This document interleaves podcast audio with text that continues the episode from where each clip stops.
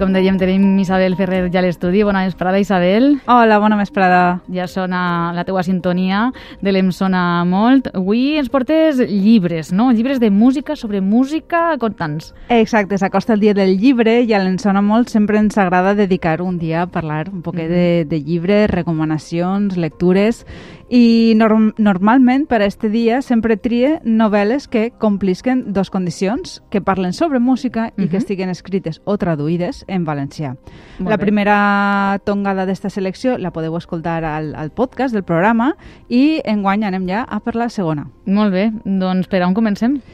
Anem a començar com de més antic a més recent, del llibre publicat més antigament al que s'ha publicat fa menys temps. Uh -huh. I el primer de la llista ja té un cert temps, però sempre està bé recórrer a estos llibres de tall més clàssic perquè ajuden a entendre molt bé on estem ara. És un llibre titulat Tots els matins del món i està escrit pel Francesc pel Pascal Guignard i és un llibre que ens transporta al segle XVIII i narra la relació entre Marie Marais, un violista de la cort francès de, de Lluís XIV, i el seu mestre anomenat Saint-Colomb. El mestre es queda impressionat pel domini tècnic de la viola de Maré, però li diu que li falta ànima i sensibilitat tocant.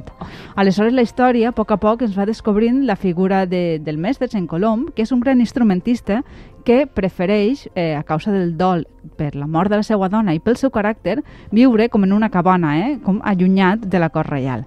Per tant, una visió molt mística i transcendent de la música que, eh, que la vol allunyada eh, del soroll de, del món. Uh -huh. Prefereix l'ambient bucòlic. I d'este llibre se'n feu una, una pel·lícula, no? Sí, també titulada Tots els matins del món, amb la participació de Gerard Depardieu i la música càrrec de Jordi Savall. Escoltem un dels fragments.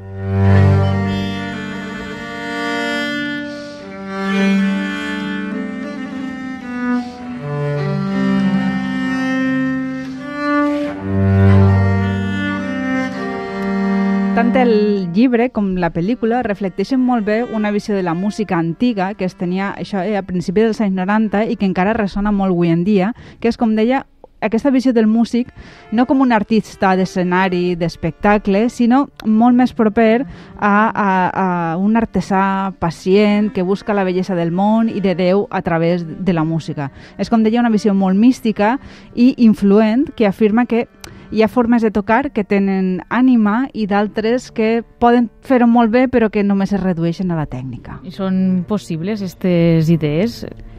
Clar, és, és una visió del món musical clàssic, sobretot de la música que hi ha abans de la Revolució Francesa, que té molts adeptes, sobretot al voltant de la figura de Johann Sebastian Bach. Però també cal dir que de vegades és una visió de la música, que vaig dir una paraula que igual sonarà un poc dura, però un tant elitista, eh? perquè a vegades com que infravalora altres, altres vivències que no tenen aquest ànim de transcendència mm. però que també poden ser molt, molt vàlides i molt, i molt vivencials i molt properes al nostre dia a dia. És, és a més una visió molt continguda de les passions, eh? que en, en molts casos, al final, ha acabat per allunyar a la gent de la música antiga, de la música clàssica. I això fa potser que no, no ens decidim a llegir llibres com estos, no?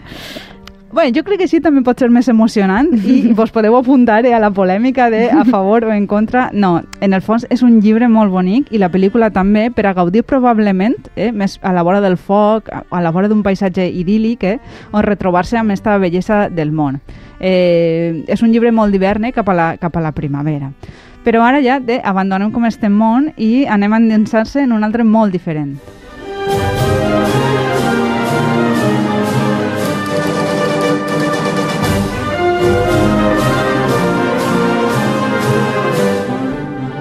I tan diferent, Isabel, quin canvi musical. Sí, com es pot sentir, ens traslladem eh, de la França Lluís XIV a la València de finals de la dècada de, de 1990 per a trobar-nos amb, la amb la història que es narra el llibre d'Agapo Mestre de Josep Sanz Biosca, que me'l va donar a conèixer Isidre Crespo, i que va ser publicat per Eixam Edicions.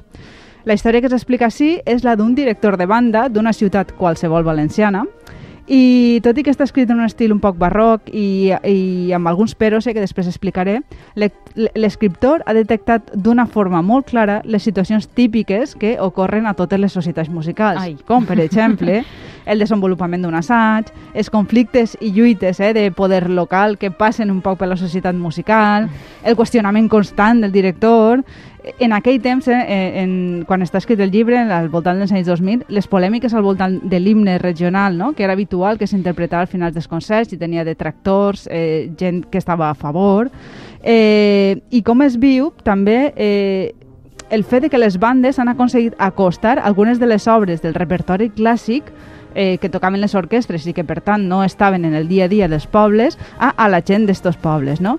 Eh, tot això en el llibre s'explica al voltant d'una obra molt coneguda que és l'Egmont de Beethoven que escoltem en la versió per a banda sinfònica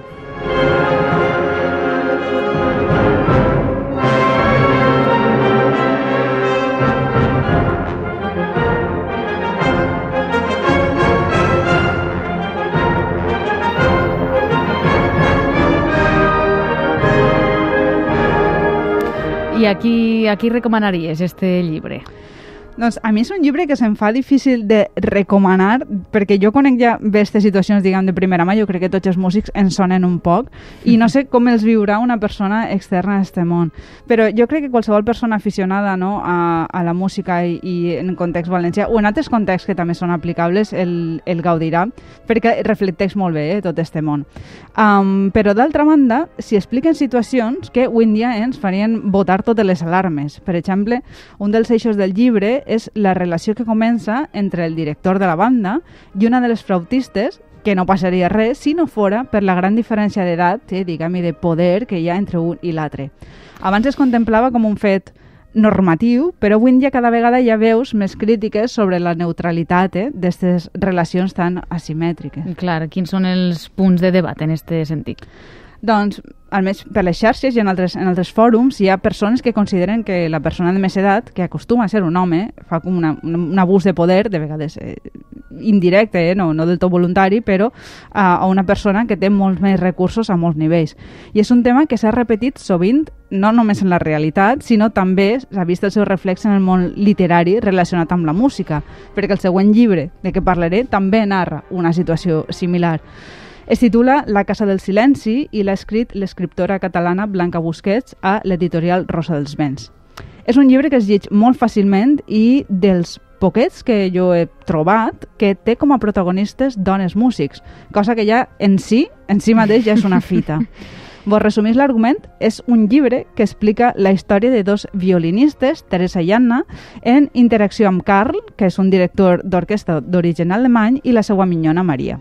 La història és molt novel·lesca i està molt ben trebada, ja que els personatges es van trobant i separant al llarg de tota la seva vida de músics professionals al conservatori, com a músics professionals, eh, alumnes, mestres, directors...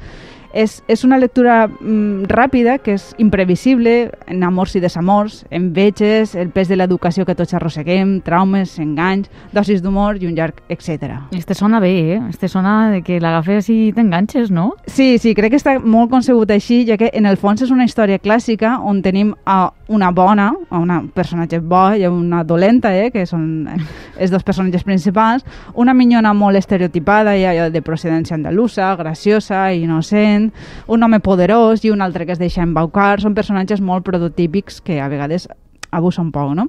Però és un llibre que es, que es, que es gaudeix així, sobretot per a una franja d'edat jo crec que està molt dirigit. Um, I també, si voleu, per analitzar aquest tipus de qüestions internes de com es construeix una història. Si voleu posar-li música, la peça un poc que enllaça tot el llibre és el concert per a dos violins de Johann Sebastian Bach.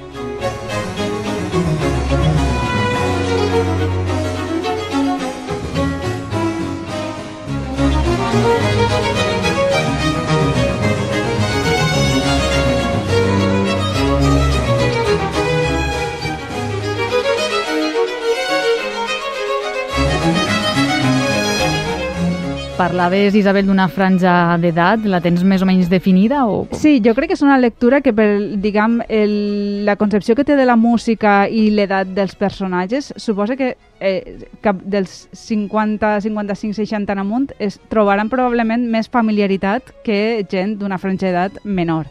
Uh -huh. És una opinió personal, tot i que el llibre es pot disfrutar igualment. I té bona pinta, sí, sí. La, la, el llegirem amb aquesta música de Bach de fons. De fons, sí.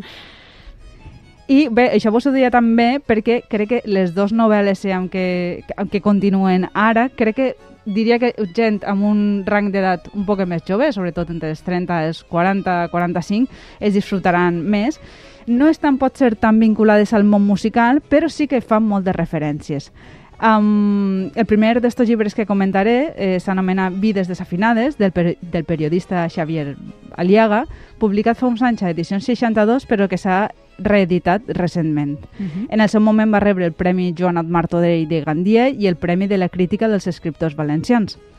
I bé, s'hi explica una història a sis veus, tres homes i tres dones, entre la trentena i la quarantena i els encontres i desencontres entre ells i les seues circumstàncies particulars de, de vida. I entenem que d'una manera o d'una altra els personatges estan vinculats a, a, amb la música, no?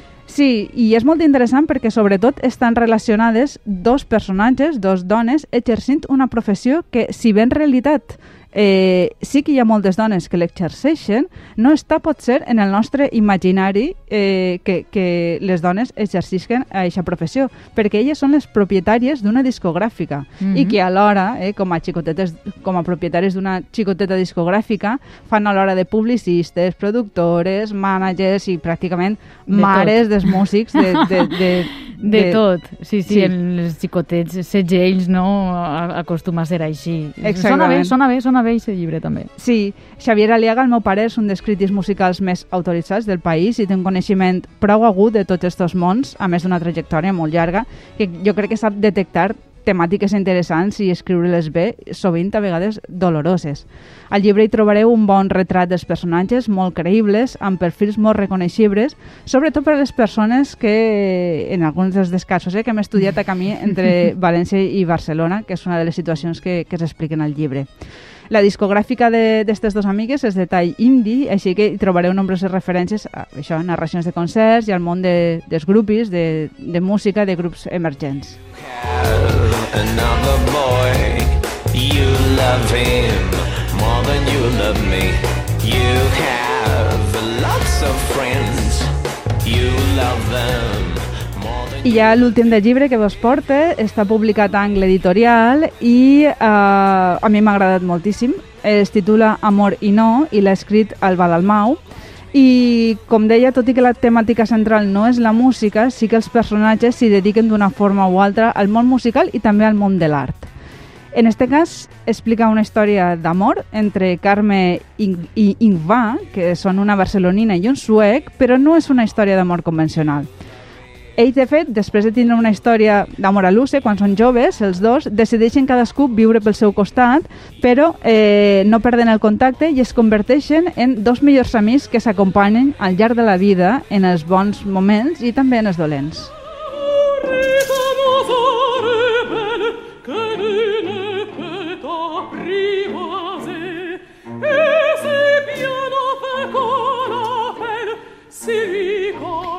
I si has seleccionat aquesta música, Isabel, imagine eh, que és perquè l'òpera està present en, esta, en este llibre, no? Efectivament. Carme és encarregada de vestuari d'òpera i Ingva esdevé, és una artista contemporània, així que ja vos podeu imaginar que el llibre eh, parla molt no? d'estics musicals d'estos dos mons i de personatges prototípics, amb aparicions estel·lars com un divo d'òpera, alumnes no? que queden impressionats pels artistes, ballarins que van i que venen...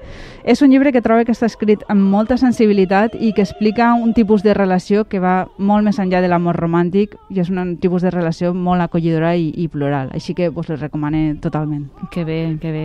Fugint també del eh, l'embolic d'amor poc sa o poc saludable, no? Està bé també tindre este tipus, este tipus d'històries. Doncs que guai. El, el llibre este de, del Gerard de, de, de la pel·lícula esta que es feu de Gerard Depardieu, com era el nom? Eh, tots els matins del món. Tots els matins del, no, sí. del món, tots els matins del món, eh, vides desafinades, Amori, no?, este últim, Sí. amb un muntó de propostes eh, musicals Sí, que ja no ens sé si n'he encanten. dit algun més. Uh, uh, sí, el de, de Capo Mestre. De Capomestre, sí, sí, Mm. sobre les bandes, sobre la vida interna de les bandes eh, locals no? o municipals. Eh, que guai, eh, tindrem un, un podcast també, podrem sumar-lo al de l'any passat, El de no? l'any passat. eh, de cara a, a la Fira del Llibre. Ens encanta la selecció que fas sempre, Isabel, moltíssimes gràcies. A Ens veiem la setmana, la setmana que ve. I res, a vostès, gràcies per acompanyar-nos una setmana més. Els esperem demà dimecres, així, a la sintonia de la ràdio de Punt, amb més pròxima parada. Fins demà. Des del carrer perquè no vull somiar massa no del llibre al món sols hi ha una passa